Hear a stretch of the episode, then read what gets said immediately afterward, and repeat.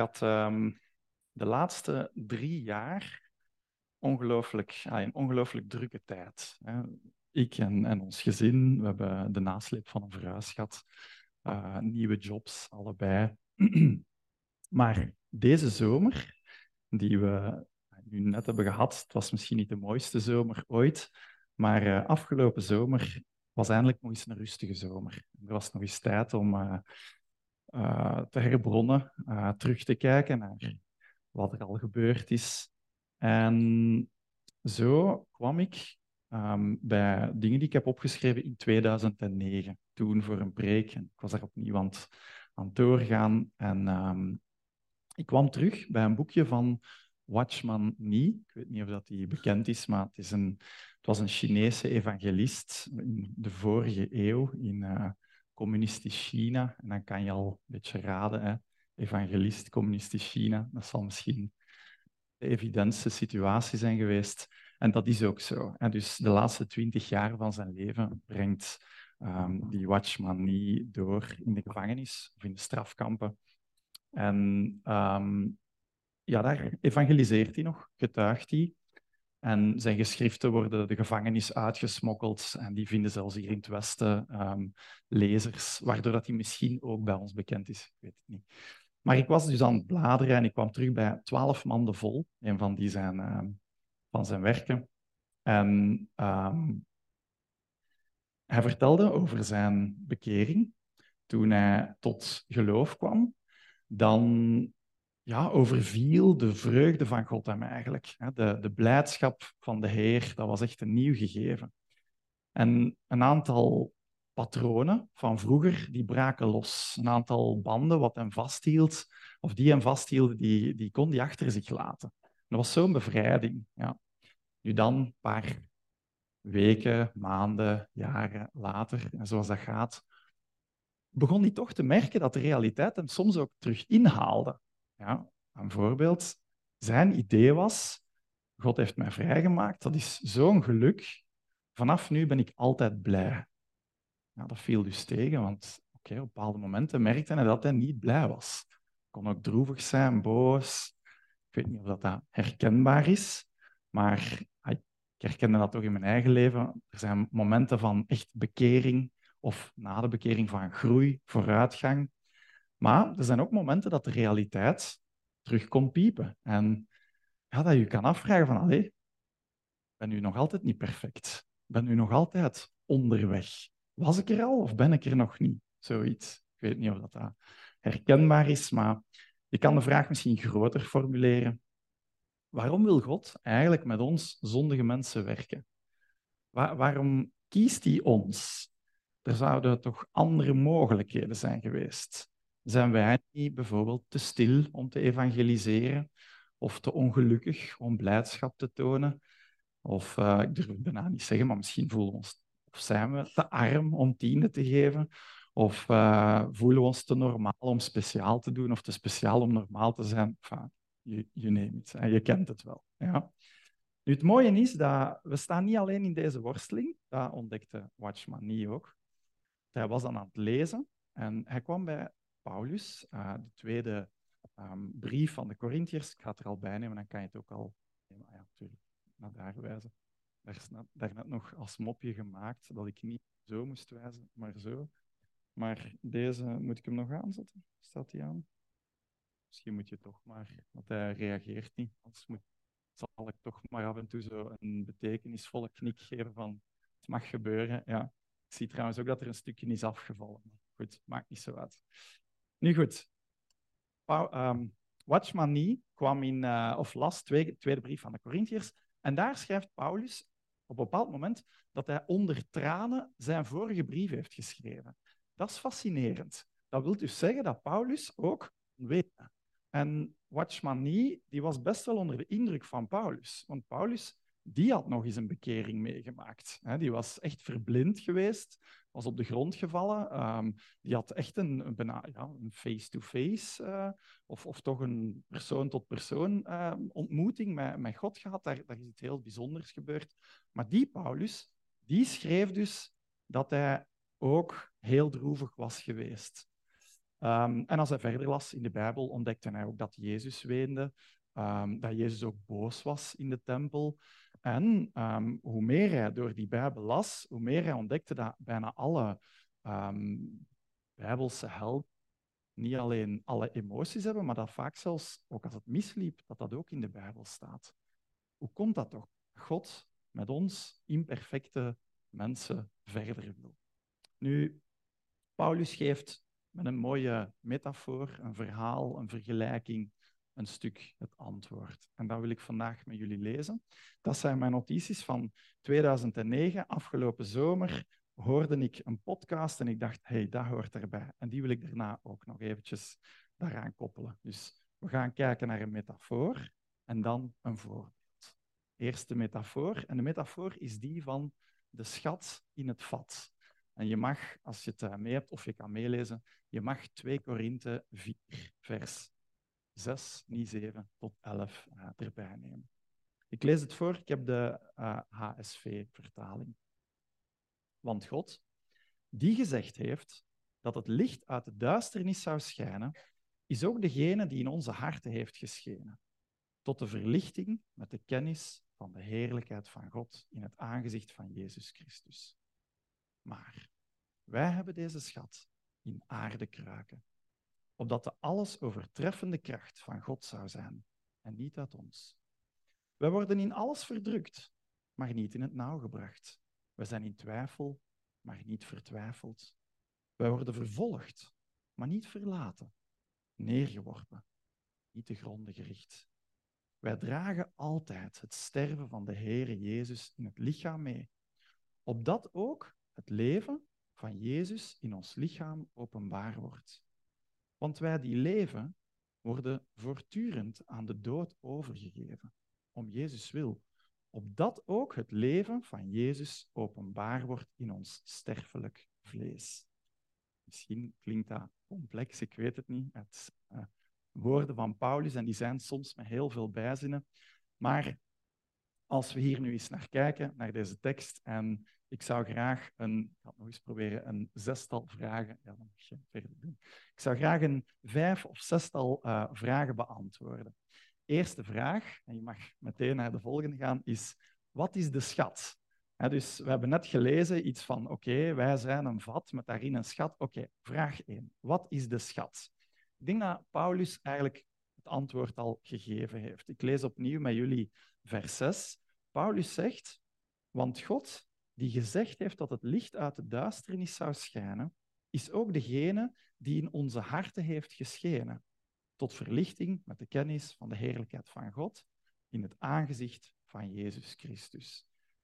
Dat is complex, maar eenvoudig. Hè?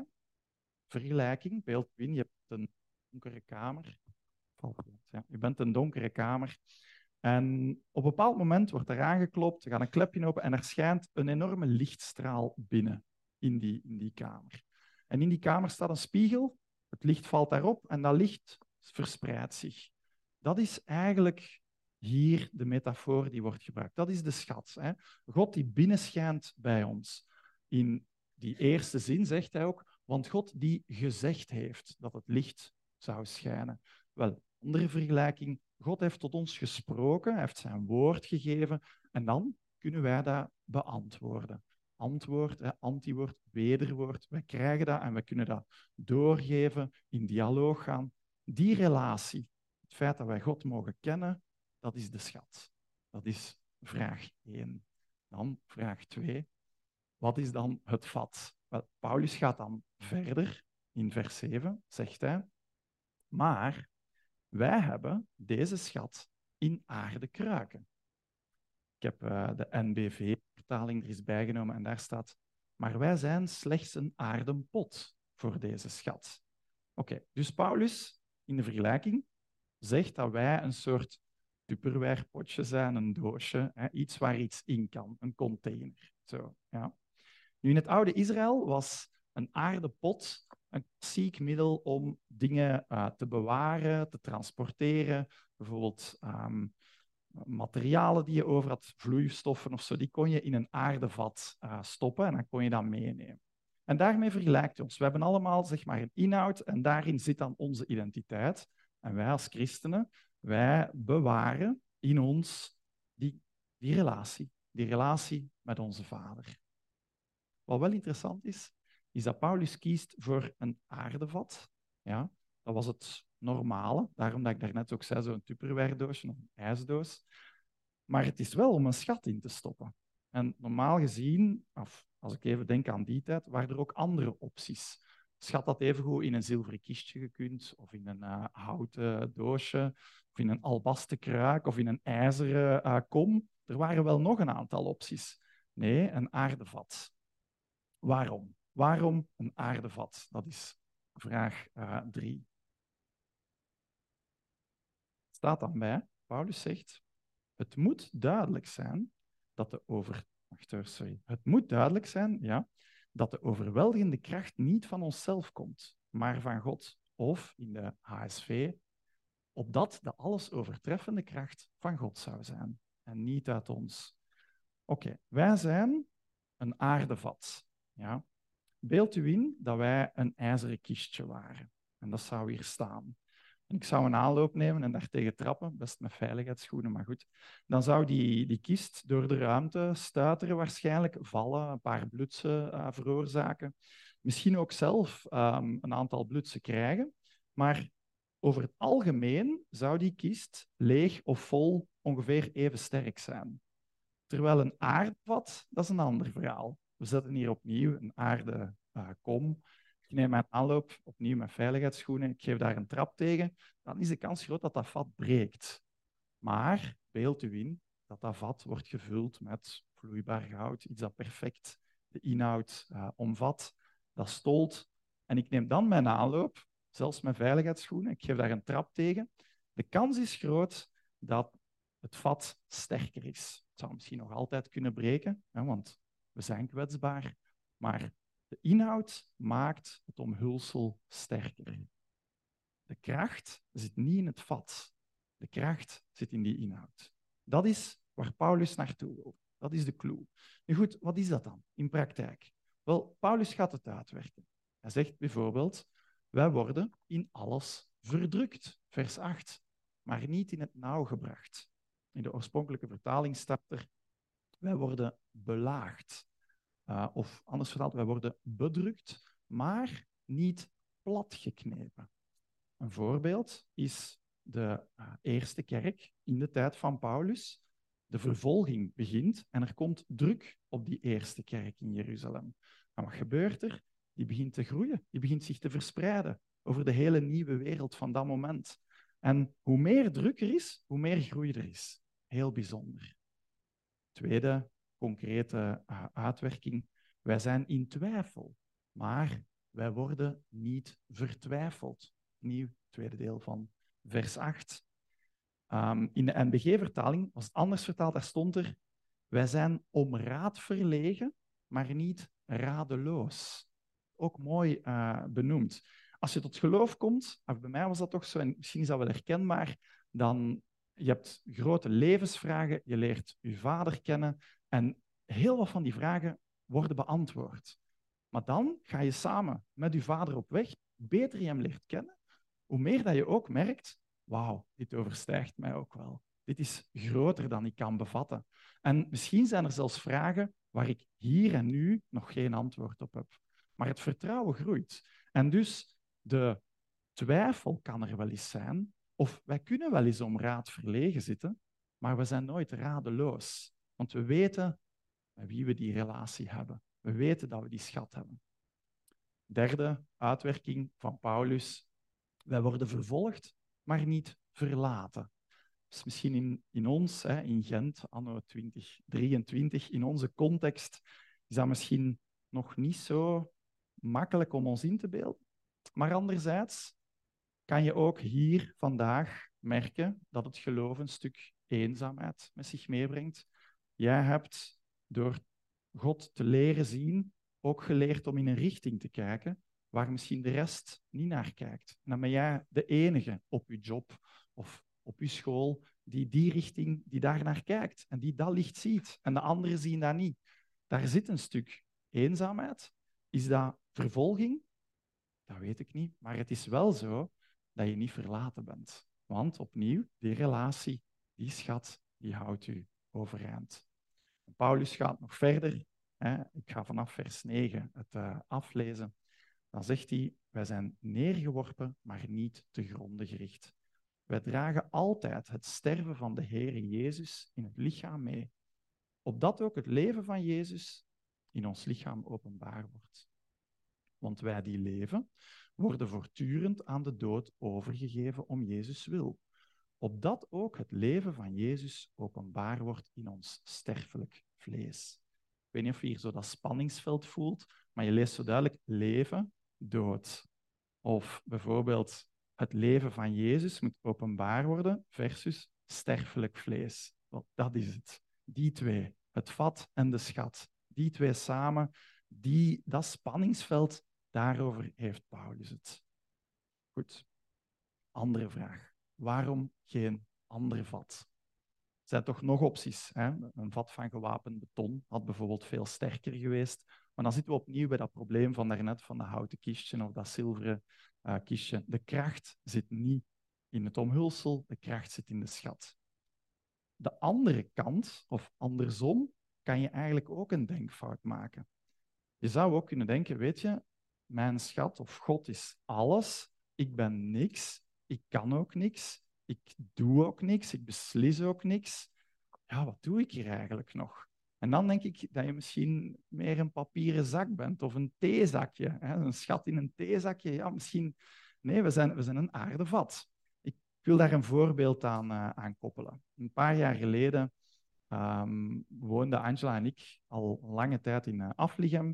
En om een of andere reden voelden wij langzaam het verlangen om terug naar Leuven te verhuizen. Uh, mijn ouders wonen in Leuven. Ik heb altijd een toffe stad gevonden. Angela vindt dat ook, vond dat ook charmant. Dus goed, wij wouden naar Leuven, maar ja, wij vroegen ons af, wat, wat, wil God? Ja? En dus bleven we daar wat in hangen. Ja, God, wat wil u? Maar er kwam zo niks uit. Op een bepaald moment bespreek ik dat met de voorganger. En de voorganger die stelde mij, we zaten al jaren in de kerk van Aalst, de voorganger die stelde mij een heel eenvoudige vraag. Die zei, ja maar Pieter, wat wil jij eigenlijk zelf? Denk daar eens over na. Wat wil jij? Waarom maak jij niet een keuze? En dan ga je met uw keuze naar de Heere God. En dan vraag je, Heer, wilt u bijsturen? Wilt u bevestigen? Maar ik zelf, ik zou graag dat doen. En ik dacht, hey, dat, zo had ik het nog niet bekeken. Maar er zit wel iets in eigenlijk. Wij mogen het stuur van ons leven wel in handen nemen. En een beetje oneerbiedig, wij mogen dan hè, in metafoor bedenken, God zit zeg maar naast ons en die stuurt bij. En die kan gerust het stuur overnemen, maar wij mogen ook sturen. Wij mogen initiatief nemen. Wij mogen in dialoog gaan met God. Dat is oké. ja? En dan God daarbij betrekken en vragen en aftoetsen en ons, als het moet, ook echt weer laten bijsturen. Conclusie? De schat die hebben wij in een aardevat. We zijn gemaakt van stof, we zijn niet zwakker, we zijn niet sterker, we zijn kwetsbaar, we zijn een aardevat waarin die schat mag worden bewaard. En tijdens het leven kneedt hij ons. Ik mag nog eentje verder gaan. Tijdens het leven kneedt hij ons. Ja. En um, eigenlijk gaat de schat, waar rond dat vat gemaakt is, schat onze identiteit beginnen vormen. Nu zou ik daar graag, dat is de metafoor, de vergelijking, nu zou ik daar graag één voorbeeld willen opkleven dat mij enorm aansprak deze zomer. En de hoofdvraag is, wij als VAT, vertrouwen wij op onze schat? Dat is eigenlijk de vraag die ik vandaag ook wil meegeven. Ik was recent naar een podcast aan het luisteren, ik weet niet of je het kent, Dit is de Bijbel op de EO. Het is een leuke podcast, hè. doet je nadenken over de Bijbel, waarin David Bogert, een journalist, altijd um, um, ja, uh, theologen interviewt. En in een van zijn afleveringen had hij een zekere Martine van der Kooi, een um, theologe die als pastor werkt in een ziekenhuis. En in zo'n ziekenhuis komt alles bij elkaar op heel korte tijd. Dus het gebeurt soms dat zij op één dag geboorte en sterven uh, beide moet begeleiden. Ja? Dat zij mensen moet opvangen die net een heel groot verlies uh, meemaken en nog geen uur later mensen mag bijstaan of begeleiden die een heel grote vreugde uh, meemaken. Nu, aan haar werd gevraagd, welke bijbeltekst triggert u na al die jaren nog altijd? Welke bijbeltekst blijft u prikkelen? En zij verwees naar Matthäus 11, vers 2 tot 6. Dat stukje wil ik met jullie lezen en dat is zeg maar een illustratie van de schat in het vat. Ja. Het is een uh, passage waarin Johannes de Doper in de gevangenis zit en eigenlijk begint te twijfelen. En een beetje tegen zichzelf begint aan te lopen en zich afvraagt, was Jezus nu wel de Messias? Ik vind dat heel bijzonder, want wij kennen Johannes de Doper. In mijn ogen is dat toch, hè, dat is die man met zijn, die, in dierenhuiden staat en die daar aan de Jordaan staat te prediken en mensen komen tot geloof, die maakt de weg voor Jezus klaar.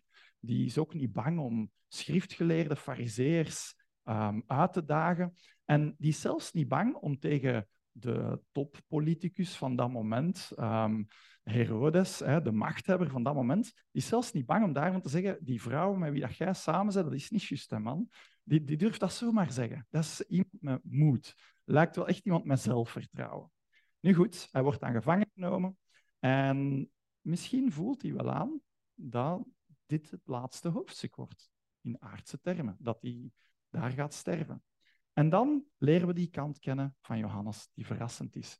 Hij stuurt twee leerlingen naar Jezus met de vraag of Jezus de Messias is. Ik lees het even voor. Toen, Jezus in de gevangen... Sorry, toen Johannes in de gevangenis over de werken van Christus had gehoord, stuurde hij twee van zijn discipelen. En hij zei tegen hem, dus hij laat die twee discipelen vragen aan Jezus, bent u het die komen zou, of verwachten wij een ander? En Jezus antwoordde en zei tegen hen, tegen die twee discipelen, ga heen en bericht Johannes wat u hoort en ziet. Blinden worden ziend, kreupelen kunnen lopen, melaatsen worden gereinigd, doven kunnen horen, doden worden opgewekt en aan armen wordt het evangelie verkondigd.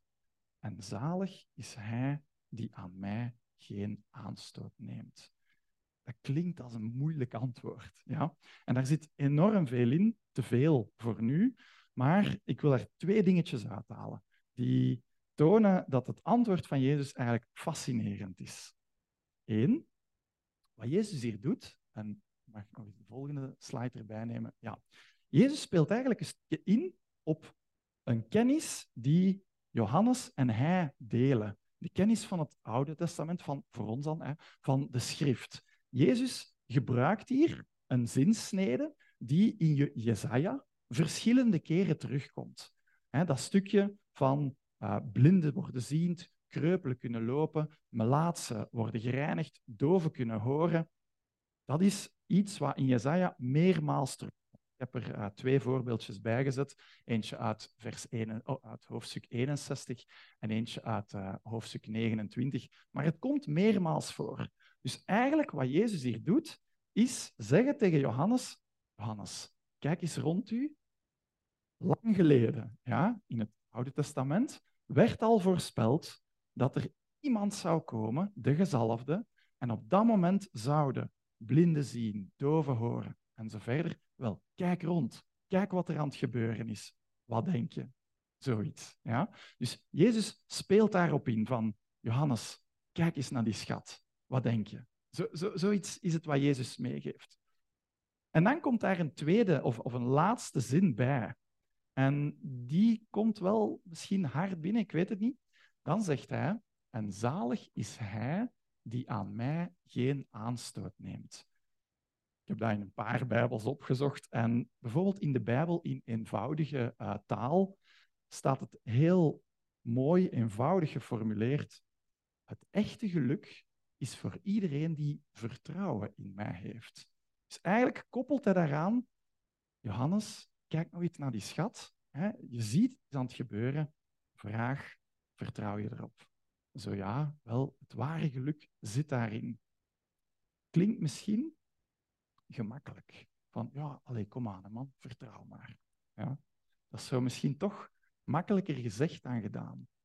Maar als je erover nadenkt, is dat niet zo. Jezus lijkt hier al iets mee te geven aan Johannes. Als we opnieuw dat motief in Jesaja bekijken, dan zie je dat er altijd een aantal, of heel vaak een aantal ingrediënten terugkomen. Heel vaak, hè, dus blinden zullen zien, kreupelen zullen lopen, doven zullen horen. Heel vaak is de laatste zin, gevangenen zullen worden vrijgelaten. Maar dat zegt Jezus niet. In die, die laatste zin, of, of, of dat ene elementje, ontbreekt. In de plaats zegt Jezus, het echte geluk is voor iedereen die vertrouwen in mij heeft. Dus Johannes zit in de gevangenis, hij hoort van die wonderen, hij wordt daaraan herinnerd en dan komt zeg maar het initiatief terug bij hem. Jezus geeft het terug aan hem en zegt, voilà Johannes, heb je er vertrouwen in? En dan is het aan Johannes om ja of nee te zeggen. Om te beseffen, ja, die schat, die is zo sterk, die gaat over leven en dood. Of nee te zeggen. Maar ik ga ervan uit dat hij daar terug door uh, opgebouwd was. Die vraag, die vraag krijgen wij ook vandaag. En ik denk elke dag mee. Wij zijn een aardevat. Wij zijn kwetsbaar. Ja, maar we hebben een schat. Vertrouwen we erop? Of worstelen we ermee? Dat mag. Worstelen, geen probleem. Als het vertrouwen maar wint, als we maar weten dat die relatie alles overstijgt.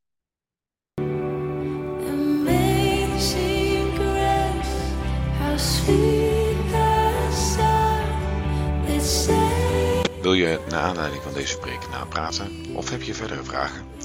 Neem dan gerust contact op. Dat kan via veg.deburg.gmail.com of kijk op onze Facebookpagina VEG De Burg.